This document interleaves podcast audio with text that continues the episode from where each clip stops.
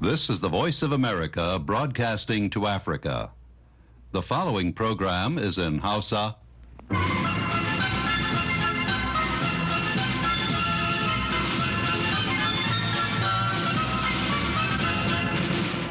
Sashen Hausa na murya Amurka ke magana daga nan birnin Washington DC. Masu sauraro Assalamu alaikum barkanmu da asuba da fatan an waye gari lafiya. Sunana Hauwa Sharif tare nake da Maryam Dauda da sauran abokan aiki a wannan shirin na safiyar Juma'a tara ga watan Fabrairu shekarar 2024.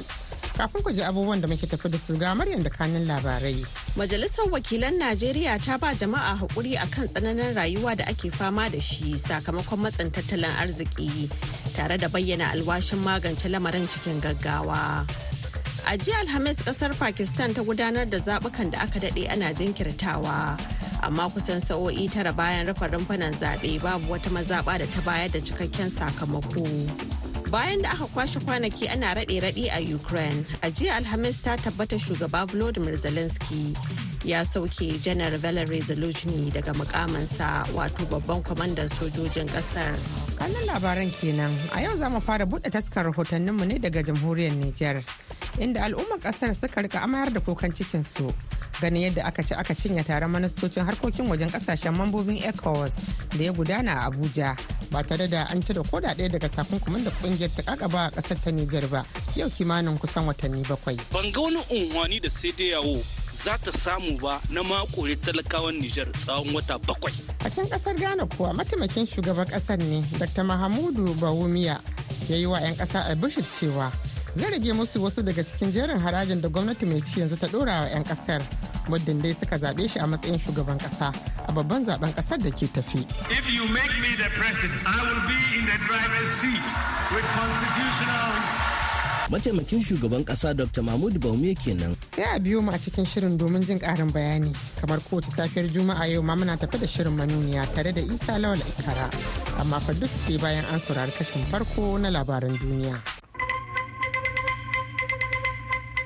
Jama'a Assalamu alaikum ga cikakkun labaran. Majalisar Wakilan Najeriya ta ba 'yan ƙasa haƙuri a kan tsananin rayuwa da ake fama da shi sakamakon matsin tattalin arziki tare da bayyana alwashin magance lamarin cikin gaggawa. A hirarsa da muryar Amurka bayan wani taron manema labarai na musamman da ya kira. Kakakin Majalisar Wakilai Tajuddin Abbas ya bayyana cewa. Sannan halin da jama'a ke ciki ya sa dole majalisar ta ɗauki matakan gaggawa na magance yunwa da hauhawar farashin kayayyaki da suke ƙara sa kuncin rayuwa. Ko da yake bai faɗi takamaiman lokacin da za a fara shimfiɗa tabarmar sauƙin ba kakakin majalisar ya ce za a ɗauki matakin nan ba da daɗewa ba domin buƙatar yin hakan ta taso. Ya kuma jaddada cewa majalisa za ta ci gaba da yin tuntuɓa da ɗaukar matakai kan batutuwan da suka jibanci yalwar abinci da kuma sha'anin tsaro ta yadda manoma za su iya komawa harkar noma kamar yadda aka saba. mu majalisa muna shirye kuma na katsaye kan yin duk abin da ya dace don tabbatar da cewa an samu sauƙi na rayuwa cikin gaggawa a wannan ƙasa. Wajajen da muke da damuwa ƙwarai a kai musamman abin da ya shafi tsaro na ƙasa. Mun ma 'yan najeriya alkawari cewa za mu kira gagarumin mitin da muke kira legislative security meeting wanda zai shafi bangarori biyu wato mu 'yan majalisa da kuma gwamnati don mu sake zama kamar yadda muka yi shekaru kamar uku da suka wuce. A wancan majalisar mu sake duba taswiran tsaro na ƙasa ga baki ɗaya. Mu ga menene ake yi wanda bai dace ba. Me ake wanda ya kamata a ƙara ingantawa. Me ya kamata a canza. Wasu abubuwa ne wanda ya kamata a duba wanda ba a duba a baya. To wannan na ɗaya daga cikin matakai wanda majalisar tarayya na ƙasa ta sa a gaba tare kuma da ci gaba da tuntuɓan dukka sektoci na ƙasar nan. Wa'annan da shawarwari da yawa wanda za mu ba al'ummar najeriya dama ba wai mu da muke majalisa ko ko da mahimman mutanen gwamnatin koli ba. A mutanen najeriya manya-manya wa'inda suke suka fito daga sasoshi daban-daban su ma su zo su tofa albarkacin bakinsu su ba mu shawara mafita da suke ganin shi ne fi alheri ga najeriya. Kakakin Majalisar Wakilan Najeriya Tajuddin Abbas kenan a hirarsa da wakiliyar sashen Hausa Madina Dauda. Za a iya sauraron cikakken rahoton a shafinmu na intanet. A jiya Alhamis ƙasar Pakistan ta gudanar da zaɓukan da aka daɗe ana jinkirtawa, amma kusan sa'o'i tara bayan rufe rumfunan zaɓe babu wata mazaɓa da ta bayar da cikakken sakamako. Jam'iyyar tsohon Prime Minister Imran Khan ta PTI ta yi ikirarin cewa ita ce a kan gaba bisa ga sakamakon farko wanda ba a tabbatar ba a hukumace. Da ƙarfe biyar na yamma agogon yankin aka rufe rumfunan zaɓe a faɗin ƙasar da ke kudancin nahiyar Asiya. bayan kwashe sa'o'i tara ana kada kuri'a har zuwa ƙarfe biyu na safiyar yau juma'a ko kashi goma cikin ɗari na kuri'un mazaɓu da yawa ba su ƙirga ba kamar yadda kafafen yada labarai na ƙasar suka bayyana hukumar zaɓe mai zaman kanta ta pakistan bata fitar da sabbin bayanai ba game da lokacin da za a kammala ƙidayar kuri'un kafin zaɓen hukumar ta sanar da cewa jami'an zaɓe za su tura sakamakon zaɓen da ƙarfe biyu na safiyar yau juma'a tara ga watan fabrairu sama da rumfunan zaɓe dubu casa'in ne aka kafa domin masu kada kuri'a fiye da miliyan 128 a babban zaɓen da aka yi jiya takwas ga watan fabrairu a ƙasar. An jima kaɗan maryam za ta sake shigowa da ci gaban labaran duniya. Kafin nan bari mu je ga wakilin sashen hausa na murya amurka a birnin yamai na jamhuriyar niger domin jin yadda wasu al'ummomin ƙasar suka riƙa rufe albarkacin bakin su game da yadda taron ministocin ƙasashen ƙungiyar ecowas da aka gudanar a birnin tarayyar najeriya wato abuja ya ce cinye ba tare da an ɗage ko da guda daga takunkuman da aka agazawa ƙasar ba. Ga suleiman mamman barma daga birnin na yamai da cikakken rahoto. Sunana abu ɗayan lela. Ban ga wani unhwani da sai dai yawo za ta samu ba na makore talakawan Nijar tsawon wata bakwai. Kai ba ma talaka Nijar ba, talakawa na na espas da sai yawo tunda a yau matsalar da muke ciki Nijar ita arewacin Najeriya take ciki, ita jamhuriyar Benin take ciki. To yau me yasa Nijar ta ta sai yawo? Dalilin makurar da an kai mata an shaƙe ta an hana mata motsi dole ne tunda ƙasa ce mai incin kanta na imani inda Nijar ta ce ta bar sai dai yawo ba karamar hasara ba ce. To amma mu yanzu kiran da muke yi musamman zuwa ga magabata na mulkin soji tunda ita sai dai yawon cikin ɗumumuwanta akwai zancen sulhu don haka ya kamata a tsaya a duba hanya wadda take kowa ba zai jimu ba. Talakawa su samu su halhado daga cikin yanayin da suke. Tunda wanga yanayi wanda an kai kusan wata bakwai ciki azumi ne a tsaye. Wallahi an kai azumi cikin shi Allah ɗaya ya san abin da zai iya faruwa kuma Allah ɗaya san inda abin zai kai mu. Eh sunana sahabi manu mamman. In muka dubi irin abubuwan da sai dai yawo musamman take ɗauka game da juyin mulkin da ya faru ƙasashe da dama irin mali burkina ga gine amma wannan juyin mulkin na Nijar shine abin da ya daga wa duniya hankali. Me yasa? Duk wannan abin da ake cewa sai dai yawo sai dai yawo kowa ya sani. Abu ne wanda an san cewa akwai wanda ke tura su. Da gaskiya ne kamata a ce daga wannan zama da suka yi an zamna an sasanta. Saboda an san cewa kowane mutum bai sai da wani. Kenan yau zaman mu tare a wuri guda shine zama alkhairi. Amma wasu abubuwa da ake yi wanda bai kamata ba kaga wannan yana ɗaya daga cikin abin da zai kawo rabuwar kanu ga al'ummar ƙasashen afirka. To sunana abdulrazak ibrahim mai da dan jarida ne mai nazarin harkokin yau da kullum na nijar. Ina ganin kamar taron za a tattauna za a duba za a yi a cikin takunkumi na aka dora mu ƙasashen guda uku. Sai na ga kash abin ba haka ne ba. Wai yanzu abin da ake dibi ya za a yi ƙasashen su girmama dokokin da sun ka shata tun da biskan dokokin kudirin da ke ta da ita eco asin idan za ka yi ta sai ka ba da sanarwa. Shekara ɗaya kwa za ka ba da watanni goma sha biyu. Amma da yake cikin abin su sun ce akwai batun tattauna na diplomasiya. Allah sa a samu ita akan wannan. Amma kuma ai an ce ita ita itin continuity ko shi jagoranci ci gaba ne akai lalle wanda sun rattaba hannu akan dokokin sai yawo na kirma maka'idunta duk dokar ta hau ƙasar tun da kasa ce ta sanu da kuma jagoran ƙasar suka sanu. Kun ji da wancan kwamfure saboda wasu dalilai. Yanzu an shi da muku ka'idodi an ce muku gasu ku bi su domin a dawo a tattauna ko ku yi ta cikin matsayin da an ka sa ku. Kowa ya mai da wuka kube sannan a maida a samu zuciya ruwan sanyi tsakanin ɓangare bi a samu sansanci ku ku ɗage musu takunkumi. Su kuma su girmama dokokin da kun ka ɗora musu su ba su girma. Haka nan za a samu mahita insha Allah. To madalla an gaida Suleiman Mumini Barma masu sauraro ana tare ne da sashen Hausa na murya Amurka a birnin Washington DC. Ana kuma iya sauraron shirye-shiryenmu da suka gabata a shafukanmu na yanar sadarwar Facebook, Twitter da Instagram. Yanzu ga Maryam ta dawo da ci gaban labaran duniya.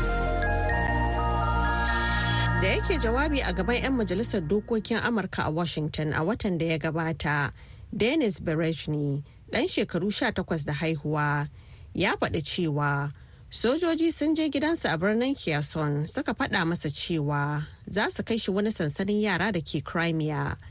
Iyayensa kurame ne a cewar shi, a saboda haka bai iya jayayya da sojojin rashar ba.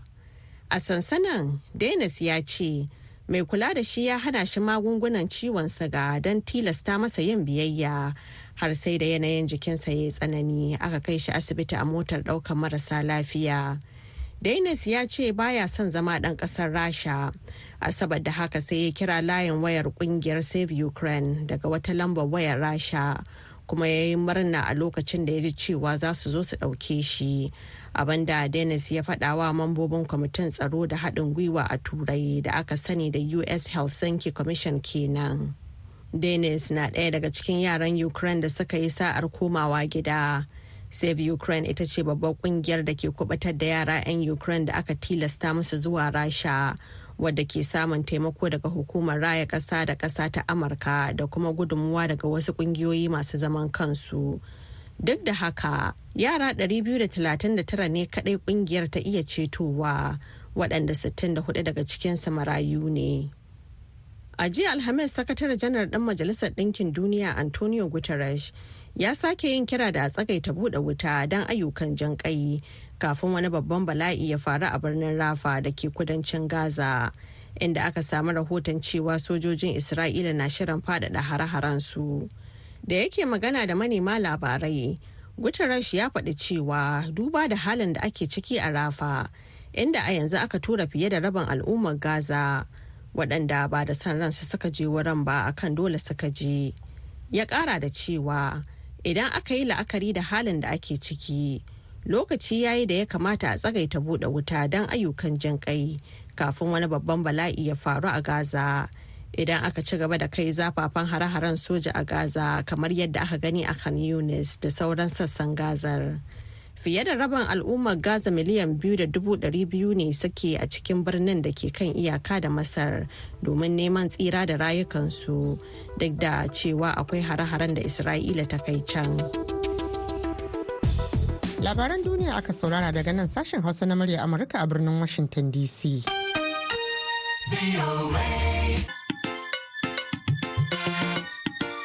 yanzu kuma sai birnin akran ƙasar ghana inda mataimakin shugaban ƙasar dr mahamudu bawamiya ya yi ma 'yan kasa albashi cewa muddin suka zaɓe shi a matsayin shugaban kasa a babban zaɓen da ke tafi a ƙasar to kuwa shakka babu zai cire musu wasu daga cikin harajin da gwamnati mai ci yanzu ta ɗora musu kamar yadda za ku ji ƙarin bayani a wannan rahoton na wakilinmu idris abdallah bako Ladies and gentlemen, I now come to my vision. As Vice President, I am like a driver's mate. But by the grace of God, if you make me the president, I will be in the driver's seat with constitutional mataimakin shugaban kasa dr mahmud baume kenan yayin da yake gabatar da jawabinsa ga al'ummar kasa na farko bayan an zaɓe shi a matsayin ɗan takarar shugaban kasa a ƙarƙashin jam'iyya mai ci ta npp inda ya bayyana manufofi da yake da niyyar cikawa idan an zaɓe shi shugaban kasa a zaɓen disamba mai zuwa. Dr baume ya bayyana gudunmawar shawarwarin da ya bayar ga kwamitin tattalin arzikin ƙasa wanda ya ce an samu ci gaba tattalin arziki a baya-bayan nan. Haka kuma ya bayyana ƙarar cewa zai soke harajin hada-hada hadar kuɗi na electronica wato e-levy da wasu nau'o'in haraji da wannan gwamnati ta kirkiro. Ladies and gentlemen, to move towards a cashless economy, however, don matsa zuwa ga tattalin arziki da ba amfani kuɗi dole ne mu ƙarfafa jama'a su yi amfani da kafofin hada-hadar kuɗi na electronica. Don cimma wannan babu harajin biyan kuɗi ta digital a ƙarƙashin gwamnati na. Za a soke harajin e-levy. Malam siba shakibu shine sakataren jam'iyyar pnc na yankin greater accra. Ya yi tsokaci ga muryar amurka. Akan bayyana kudurorin da mataimakin shugaban kasa duk abubuwan da yake ya karanto mun gan shi kamar dai wani abu ne na kanzon kurege kurum. Saboda in za ka dubi abubuwan da yake wai in an ba shi ragar mulki ke zai share su a gaban shi aka tabbatar da wa'annan abubuwa. Wanda yake taimakawa tare da shi nashi shawara shugaban kasa a kufu ado ya zartar da wa'anga abubuwa. Sakataren jam'iyyar cpp na yankin ashanti isa abdulsalam ya ce cewa an ba shi ragaman kasan ghana shi kuma zai kawo nashi sari wanda ya ce na ga ciki zai fi da wasu harajai. Wanga magana da ya fari kan batun haraji magana ne mai kyau. Allahumma wurin aikata shi shi mai ganin an ya tabbatar da wanga abu. In an ba shi dama ya zo ya zama shugaban kasa. Amma inda kai kuma mun sani kamar yau yan ghana suna hushi da gwamnatin ga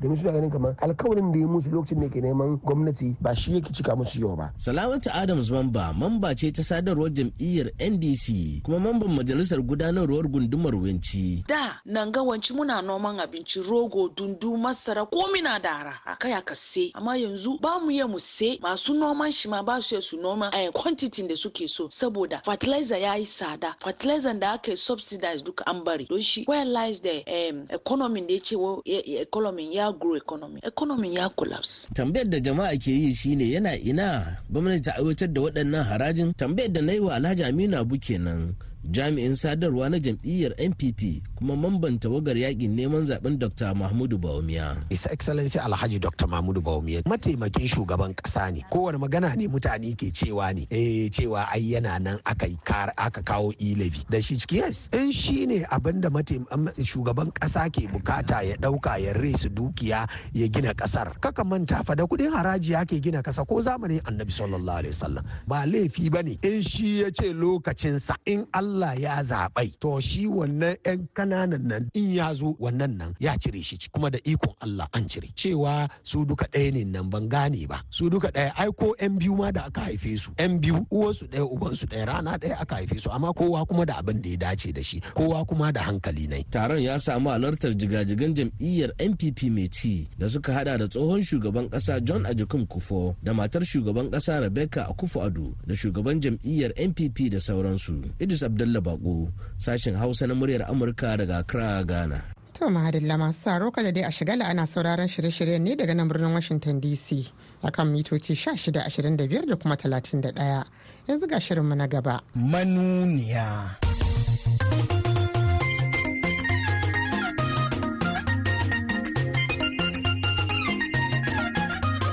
Da alamu dai kakabuwar ƙarancin karfan fana da kuma tsananin tsabar tsadar rayuwa sun kai bangon da suka ce ya kamata dai a nemo mafita. yanzu mutum ya da dala dubu goma yanzu yana da miliyan kusan goma sha biyar a hannunsa sai sai ya kasuwa duk kayan abincin da ke kasuwar ƙauye. ko hauhaya farashi da ake magana ba wai kowa yana jin raɗaɗi ɗin ba ne daidai wa daidai wanda yake nomawa kila ya fi jin sauƙin haihawa da wanda kawai saye yake. game da zamiyar zuke jiki daga ƙungiyar ecos da ƙasashen afirka ukun da sojoji ke mulki kuwa wasu masu ratsaki ne ke cewa a gaskiya dai ya kamata a daidaita wannan ƙasashen guda uku suna cikin wani babban matsalan da ita ecowas ba ta yi wani abu wani a zo a gani tana tare da su ta duk abin da za su yi su tabbatar sun roƙi nijar burkina faso da mali a dawo ƙungiyar ECOWAS. Waɗannan fa so mun taɓa kawai muka tattaɓo cikin tarin muryoyin da za ku za cikin shirin na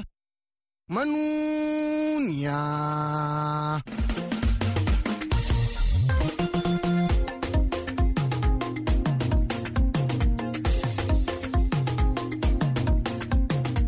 Mai sauraro Assalamu alaikum barkamu da wannan lokaci kuma sanin da sa'ar sake saduwa a cikin wani sabon shirin manuniyan da ke da maganin murkushe jita-jita. Shiri na ɗari da hamsin da shida cikin jerin shashiren manuniyan da masu aro ke cewa ya riga ya ɗaga tuta. Mai yiwa ɗaga tutar kuma ya sa gwamnan jihar Jigawa Malam Umar Namadi ya dage kan aikin ruwan dutsen jihar Jigawan da ya ce an jigata. Wannan wata magana ce da aka yi da mai martaba marigayi sarkin dutse da kuma ɗan takarar shugaban ƙasar mu a wannan lokacin. Wala ahmad tinubu allah cikin ikonsa mai martaba ya koma ga allah. Kuma ga cewa saboda a gaba na aka yi wani alkawarin na tashi ne tattaki na je na samu shugaban kasa na ce mashi to na zo in tuna maka alkawarin da kuka yi da mai martaba sarkin dutsen marigayi. So ya ce to yanzu abin da za a yi na rubuto masa a takarda. Na zo na zauna muka rubuta takarda muka kai masa. A ina tabbatar maka dai a yanzu harkar ruwan dutse an sa ta a bajet din gwamnatin tarayya. Haka zalika kuma mu a jiha mun sa harkar ruwan dutse a cikin bajet dinmu na 2024 saboda haka yanzu dai na tabbatar maka in Allah ya yarda wannan shekarar za a fara harkar aikin ruwan dutse. Duk inda za mu yi muka an sa kuɗi an ƙara kuɗi a wannan gurin za a ƙara. Haɗin gwiwa kenan za a yi a wannan karo na eh to dama ka san a irin wannan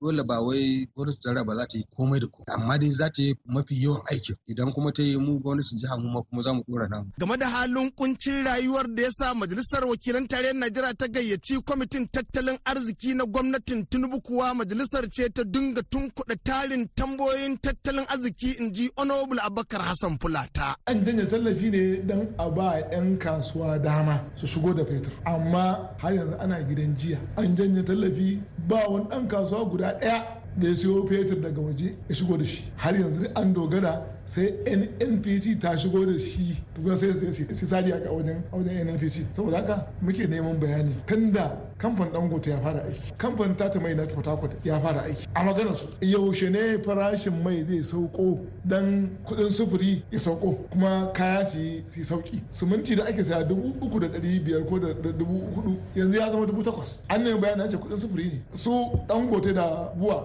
za su gaya ma cewa har yanzu su ba su canza farashi to ba canza farashin? Alal misali yanzu darajar kuɗi na naira sai faɗuwa yake yi. Ta kai ga yanzu makwabtanmu gaba ɗaya kuɗaɗen sun fi namu daraja. Saboda haka suna shigowa kasuwannin ƙauyuka na boda suna sai kayan abinci. Yanzu mutum ya canza dala dubu goma yanzu yana da miliyan kusan goma sha biyar a hannunsa sai sai kasuwan duk kayan abincin da ke kasuwar ƙauye saboda haka waɗannan matsaloli muka kira mu ji bayani me ya fa'idar su. tunuma dai aka ji ministan tsare-tsaren tattalin arziki da kasafin kuɗi na tare Najar da ke cikin ministocin da suka halarci wannan gayyata sanata Atiku Bagudu na baje bayanin ɓangaren da gwamnatin Tinubu za ta fifita. An gayyato mu ne domin ƙara tattaunawa da majalisa domin abubuwa da suke zuwa suke dawowa na tattalin arziki da kuma damuwa da majalisa ta nuna na cewa akwai ƙarin tsanani na rayuwa waɗanda ana so a ji mai gwamnati take yi. Kuma gashi kusan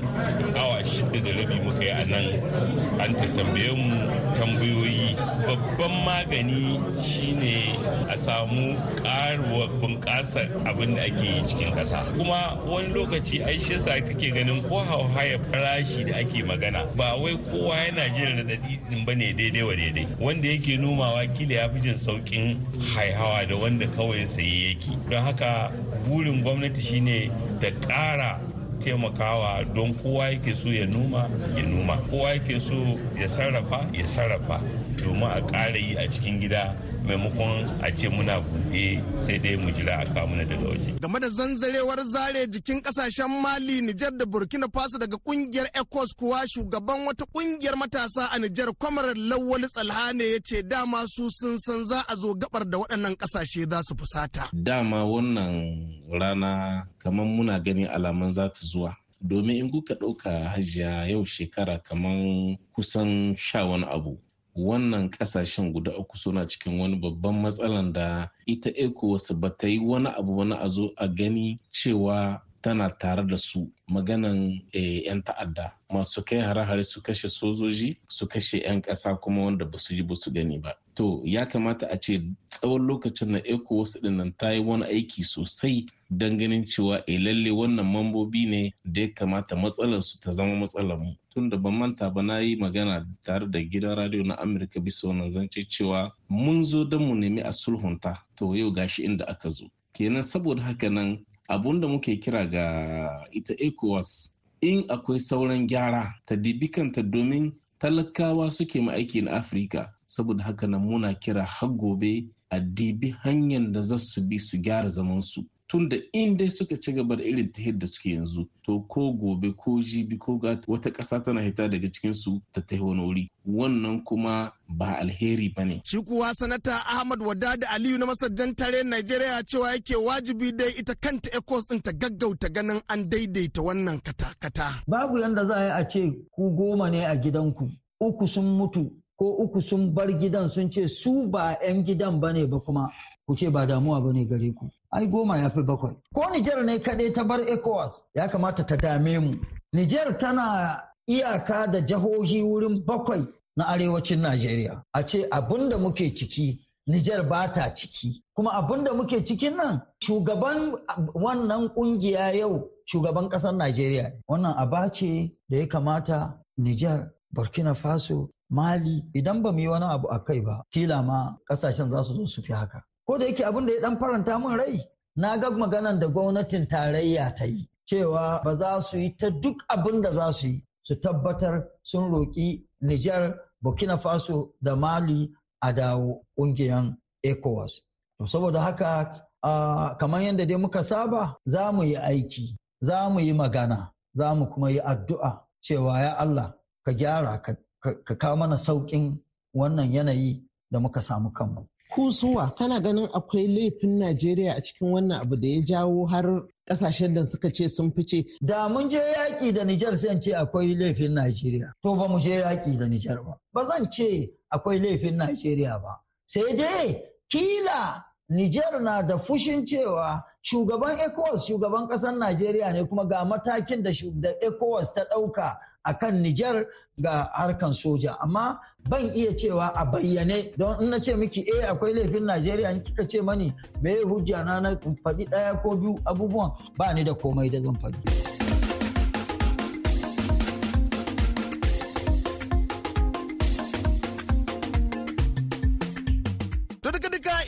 Batutuwan da za mu iya baje muku kenan a cikin wannan shiri na manuniya sai da kafin mu yi sallama sai mun sanar da dukkanin masu dafa da madafun iko a Najeriya cewa kullum aka kwana aka tashi fa kwanakin da aka keɓe musu ne ke ci gaba da salwanta. Domin kuwa daga juma'a nan ma saura kwanaki dubu ɗaya da ɗari biyu da huɗu ne su yi sallamar sakin madafun iko sai dai kaɗan daga cikinsu da ƙila za su yi sa'a su maimaita. Kuma madadin dukkanin abokan aikin da kan taimaka wajen tabbatar da wannan shiri ya zo muku musamman dai Mahmud Ibrahim Kwarin jihar Kanawa da maman manuniyan da kan yi daudalar dawo da muryoyin da muke amfani da su tun lokacin shirin na manuniya na ta ta ta. A madadin su duka kuma ni isa lol ikara da kan yi limancin shirye shirin da gabatarwa ne nake cewa sai kuma mako idan allah ya sake sada ma cikin wani sabon shirin na manuniya.